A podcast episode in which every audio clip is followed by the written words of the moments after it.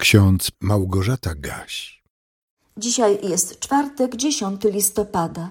W pierwszej księdze Samuelowej, w 14 rozdziale, wierszu szóstym czytamy: Panu nie trudno wybawić przez wielu czy przez niewielu. A w liście do Hebrajczyków w 10 rozdziale, wierszu 35 czytamy: Nie porzucajcie więc ufności waszej, która ma wielką zapłatę. Po przeczytaniu dzisiejszych wersetów biblijnych od razu przypomniałam sobie fragment z Psalmu 33, który kiedyś w czasach studiów w Chrześcijańskiej Akademii Teologicznej bardzo mi pomógł. Czasami do niego wracam, bo przekonałam się, jak prawdziwe są te słowa, dawno temu wypowiedziane przez psalmistę. Posłuchajmy.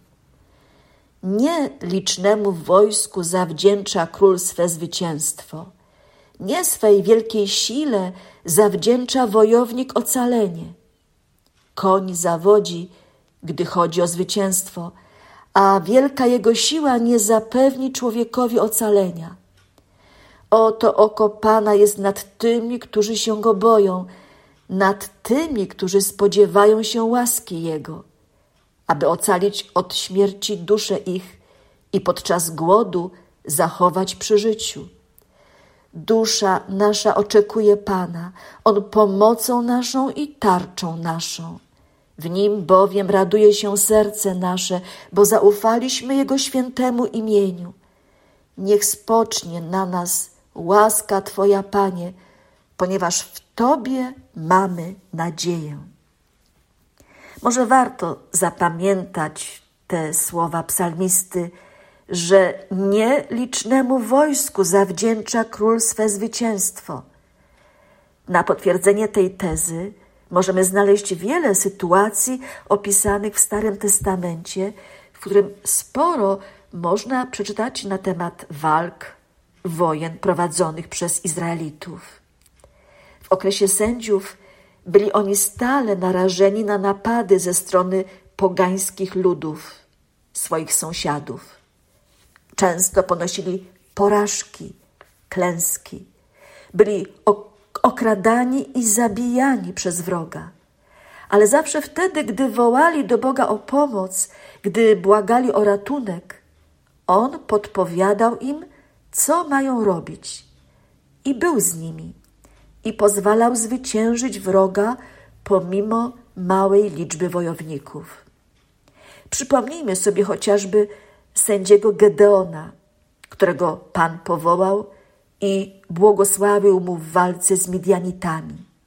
A nawet specjalnie rozkazał, żeby tylko trzystu mężczyzn przystąpiło do walki i to bez użycia broni. Pamiętamy, że wzięli do ręki trąby i puste dzbany. Ci mężczyźni szli za Gedeonem i robili to, co im polecił. Trąbili, rozbijali dzbany i mając w rękach zapalone pochodnie, potrafili w ciemnościach nocy skutecznie rozbić obóz Midianitów.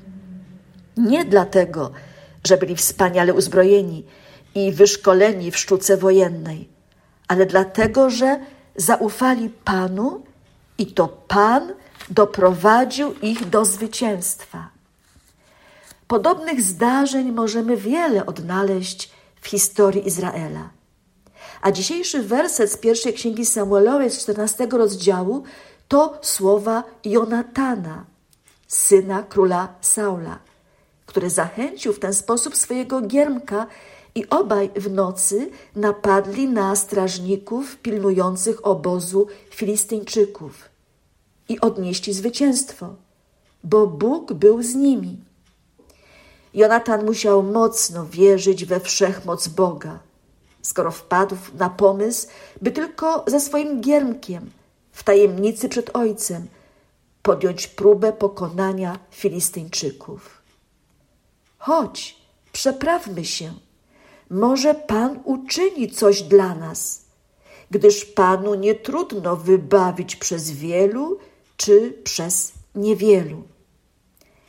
Pan postanowił wynagrodzić ufność Jonatana. i dlatego mógł on zostać bohaterem, który zapoczątkował zwycięstwo nad Filistyńczykami.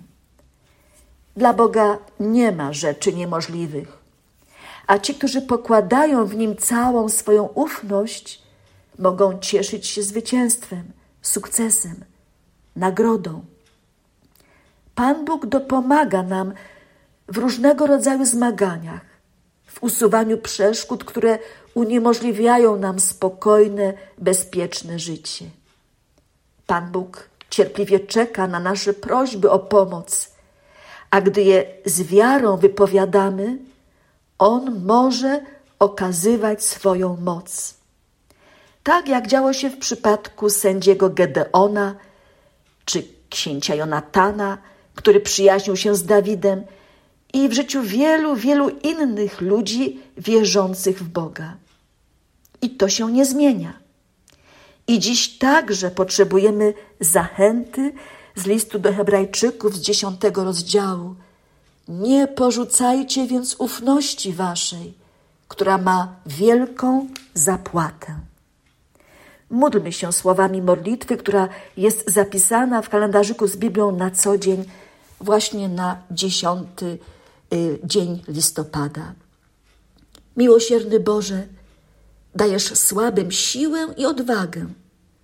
Podnosisz tych, którzy się smucą. Wysłuchaj błagań wszystkich, którzy są przytłoczeni codziennymi wyzwaniami, którzy zagubili się w życiu i zagraża im rozpacz. Modlimy się za nas wszystkich, abyśmy i w naszych słabościach doświadczyli Twojej bliskości i łaski. Amen. A Bóg nadziei niechaj Was wszystkich napełni wszelką radością i pokojem w wierze, abyście obfitowali w nadzieję przez moc Ducha Świętego. Amen.